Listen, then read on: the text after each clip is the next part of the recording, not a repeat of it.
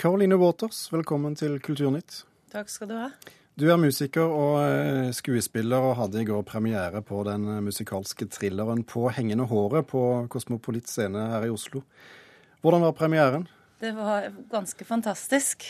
Vi hadde et flott publikum som tok imot oss med både tårer og latter og god applaus. Tårer og latter, eh, sier du. Hva slags forestilling er dette?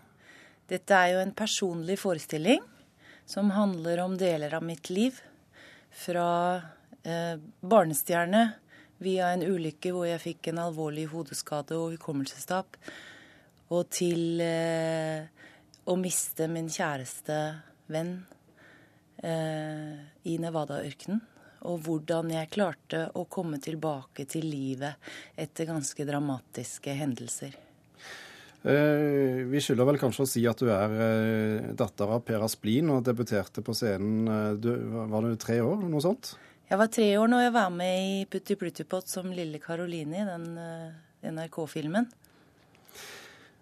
Hvorfor har det blitt en musikalsk thriller av livet ditt?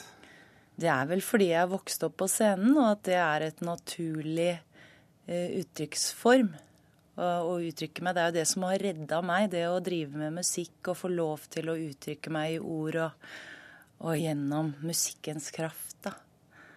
Så det er nærmest eh, terapi eh, Eller har vært terapi å, å lage denne forestillingen?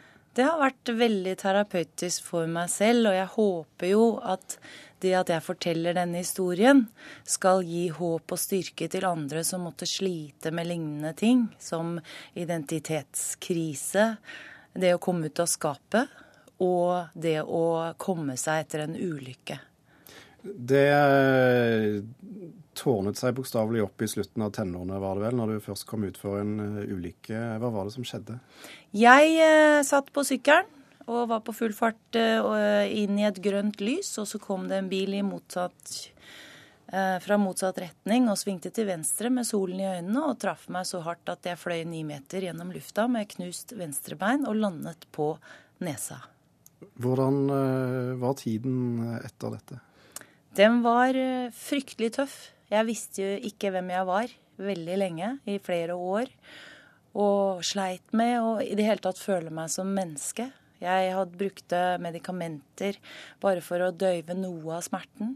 Og dette hjalp jo ikke så veldig godt på liksom, å få et inntrykk av hvem jeg var. Man blir litt rar av sånne Hvordan eh, greide du å finne ut hvem du faktisk var, da?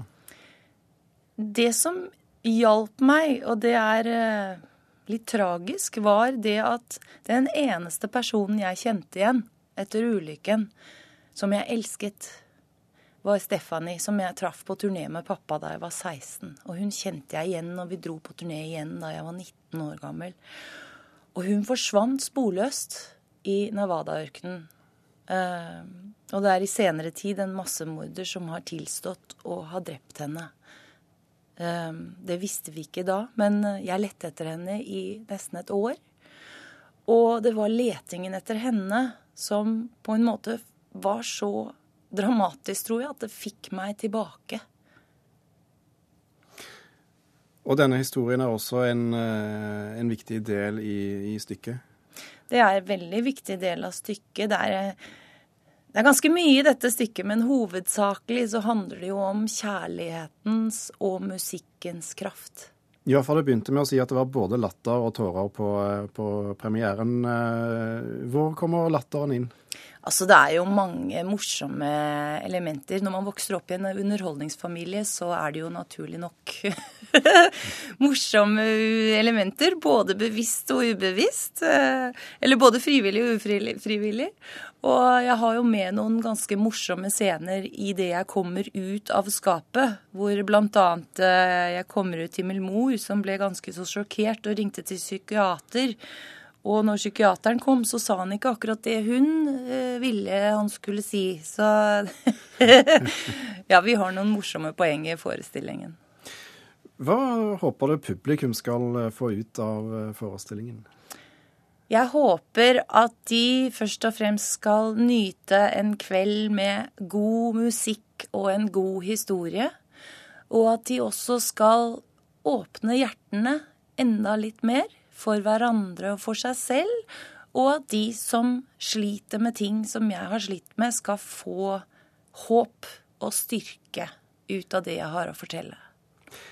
Du bor delvis i uh, Los Angeles ved siden av uh, Oslo.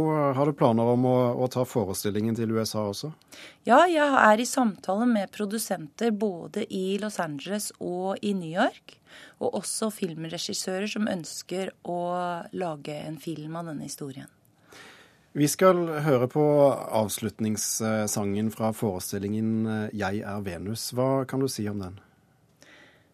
Den skrev jeg når jeg skjønte at hvis jeg skal gå videre i livet, så må jeg skrive om det jeg ønsker å være, og jeg ønsker, sånn jeg ønsker å bidra. Og det handler denne sangen om. Karoline Waters, takk for at du kom til Kulturnytt.